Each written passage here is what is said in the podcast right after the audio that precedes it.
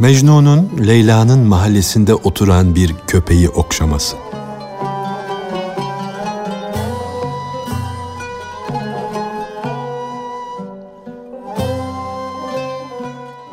Mecnun bir köpeği okşuyor, öpüyor ve önünde adeta kendinden geçiyordu. Etrafında eğilip bükülerek dönüp dolaşıyor ve ona gül suyu şerbeti veriyordu. Boş boğazın biri "Ey ham Mecnun" dedi. "Yaptığın bu çılgınlık nedir?" Köpek her zaman pis şeyleri yer. Ağzı da pistir. Kuyruğunun altını bile ağzıyla temizler. Köpeğin birçok ayıbını saydı durdu. Allah'ın yarattığı mahlukların ayıbını gören, gaypları bilen Allah'tan habersizdir. Mecnun dedi ki, sen baştan başa bir suretten, bir şekilden, bir bedenden ibaretsin. İçeriye gir. Yani ruh alemine dal da ona benim gözümle bak. Bu köpek Allah'ın çözülmez bir tılsımıdır. Yani Allah onun gönlünde sahibine karşı duyduğu bağlılığın, sevginin ve vefanın hazinesini gizlemiştir. Sonra o Leyla mahallesinin bekçisidir. Sen köpek deyip geçme. Onun himmetini gör. Gönlündeki, canındaki anlayışı seyret. İrfanına bak. Kendisine neresini seçmiş, neresini yurt edinmiş. O benim gönül mağaramın mübarek yüzlü kıtmiridir. Hatta o benim dert ve hüzün ortağımdır. Leyla'nın mahallesinde oturan bir köpeğin bir kılını ben nasıl olur da arslanlara değişebilirim? Ey köpeklerine arslanların kul köle olduğu aziz varlık! Senin hakkında fazla söz söylemeye imkan yoktur. Vesselam. Ey dostlar! Şekilden, suretten geçer, mana alemine girerseniz, orasının cennet ve gül bahçesinin içinde gül bahçesi olduğunu görürsünüz. Ey salik, kendi suretini, mevhum benliğini kırıp yakacak olursan, yani bütün putların anası olan kendine tapmaktan kurtulursan, içindeki bütün putları kırmayı öğrenirsin. Bundan sonra artık her sureti, her putu kırar, Hazreti Haydar gibi Hayber Kalesi'nin kapısını koparırsın. Malı çalışıp dididen elde eder. Bir defineye rastlayan kişi pek azdır. Nerede Hazreti Mustafa ki mübarek bedeni can olsun da Cenab-ı Hak ona Kur'an'ı öğretti, sırrına ersin. Allah ilmi, hakikati beden ehlinin hepsine kalemle öğretti. Cenab-ı Hak keremini bağışlamada kalemi vasıta olarak yüceltti.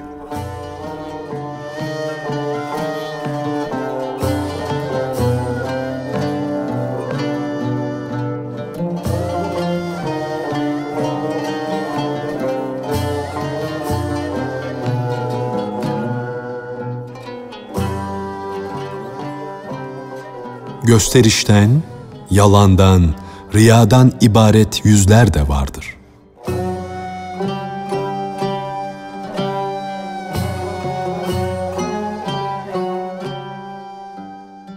Gösterişten, yalandan, hile ve riyadan ibaret yüzler de vardır. Böyle bir yüzün Müslümanlardan gizli kalması daha iyidir. Öyle yüzler vardır ki şeytanlar sinekler gibi o yüze üşüşürler. Bekçi gibi orasını yurt edinirler, otururlar. Böyle kişinin suratını görünce ya bakma yahut bakarsan hoşlanıp gülme. Böyle nursuz ve habis yüzler için Cenabı Hak alnının perçeminden yakalar, çekeriz diye buyurmuştur.''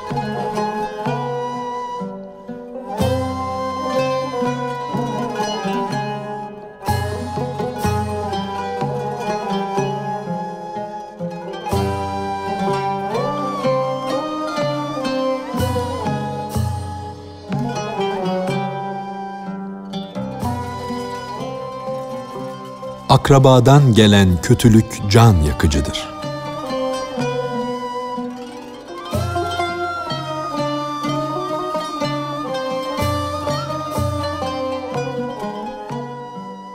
Akrabadan, dosttan ve yakınlardan gelen bir cefa, düşmanın 300 bin cefasına bedeldir. Çünkü gönül, akrabanın ve dostların cevredeceğine, cefada bulunacağına inanmaz. Canı onun lütfuna ve vefasına alışmıştır.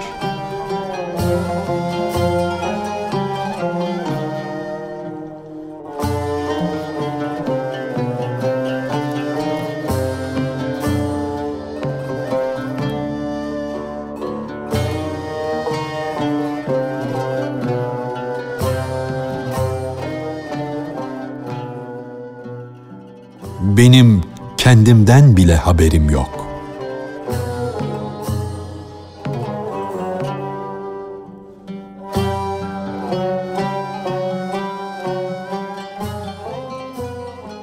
Benim kendimden bile haberim yok.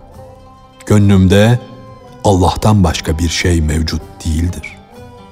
Dünkü yediğim yemek bile hatırımda yok. Bu gönül hayretten, Allah'ın yarattıklarına bakıp Yaradan'a hayran olmaktan başka bir şeyle şad olmuyor. Ben akıllıyım ama hak delisiyim. Bunu hatırla da kendimde olmayışımı mazur gör. Birisi pis olan, haram olan hurma şerbetini içse de sarhoş olsa, şeriat onu mazur görür. Sözleri ve davranışları üzerinde pek durmaz.'' Sarhoşun ve esrar içenin kadın boşaması ve bir şey satması doğru değildir. Kabul edilmez. Sanki o çocukmuş gibi yaptığı affedilir. Eşsiz padişahın yani benzeri olmayan Allah'ın manevi kokusundan, ona karşı duyulan hayranlıktan, sevgiden gelen meslik, manevi zevk ise şarabın verdiği sarhoşlukla kıyaslanamaz.'' Hak aşkıyla mest olan kişi nefsani duyguların tesiri ile nasıl ayılır? Yani duyduğu manevi zevki nasıl bırakabilir? Hak mesti sur üfürülünceye kadar kendine gelmez. Hak şarabı gerçekten vardır. Yalan değildir. Sense ayran içtin. Ayran içtin. Ayran. Sen kendini Cüneydi Bağdadi veya Bayezid-i Bestami gibi gösteriyorsun.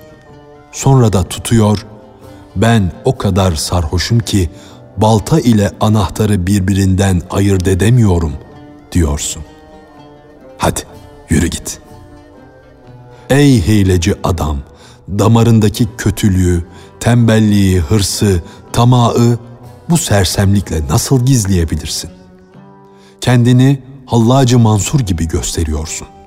Halbuki hallaç aşk ateşini nefsinin pamuğuna düşürüp onu yakarken sen şeriatı yakan imansızlık ateşini dostların inanç pamuğuna düşürüyor, onları felakete sürüklüyorsun.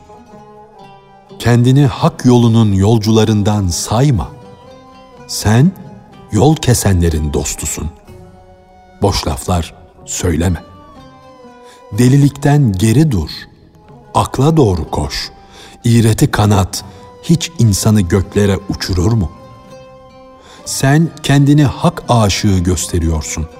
Halbuki kapkara bir şeytanla aşk oyununa girişmişsin. Kıyamet gününde sevenle sevileni birbirine bağlarlar da öyle ortaya çıkarırlar. Sen ne diye kendini aptallığa vuruyor, kendi kendinden geçmiş gösteriyorsun. Sen üzümün kanını içip de sarhoş değilsin. Sen bizim kanımızı içmişsin. Sanatın sanatkardan uzak olmayacağını sanarak kendini hakka yakın sanıyorsun. Şunu görmez misin ki velilere mahsus olan hakka yakınlıkta yüzlerce keramet, yüzlerce akıl almaz haller var demir Davud aleyhisselamın elinde mum gibi yumuşadı. Senin elinde ise mum demir gibi sertleşiyor.''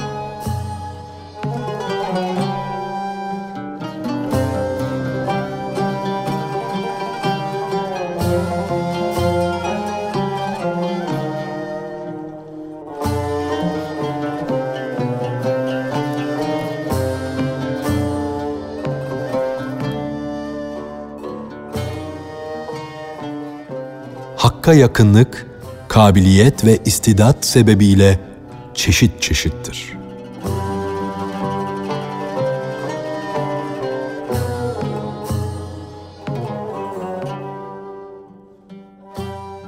Yaratmak, rızık vermek suretiyle olan hak yakınlığı umumidir. Allah bütün yarattıklarını sever. Onların rızkını verir, onları gözetir, onlardan uzak değildir.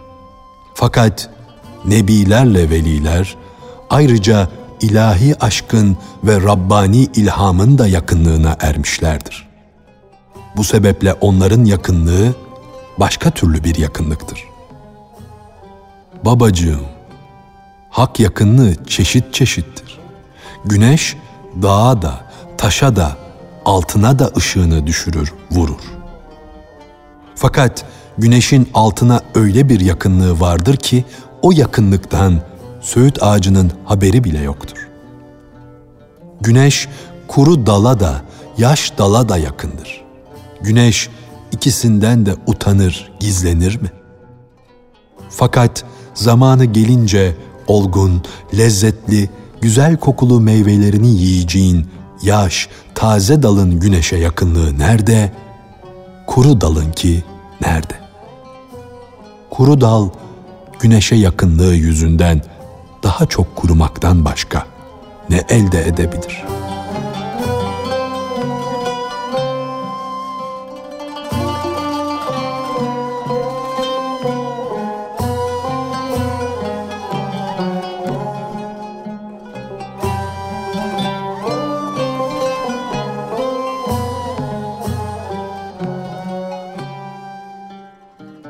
Çakalın boya küpüne düşüp boyanması ve çakallar arasında tavusluk davasına kalkışması.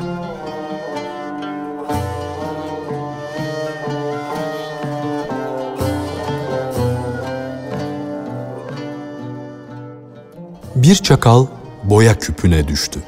Birazcık o küpte kaldı. Sonra postu boyanmış olarak çıktı. Ben dedi. Göklerin tavus kuşu oldum.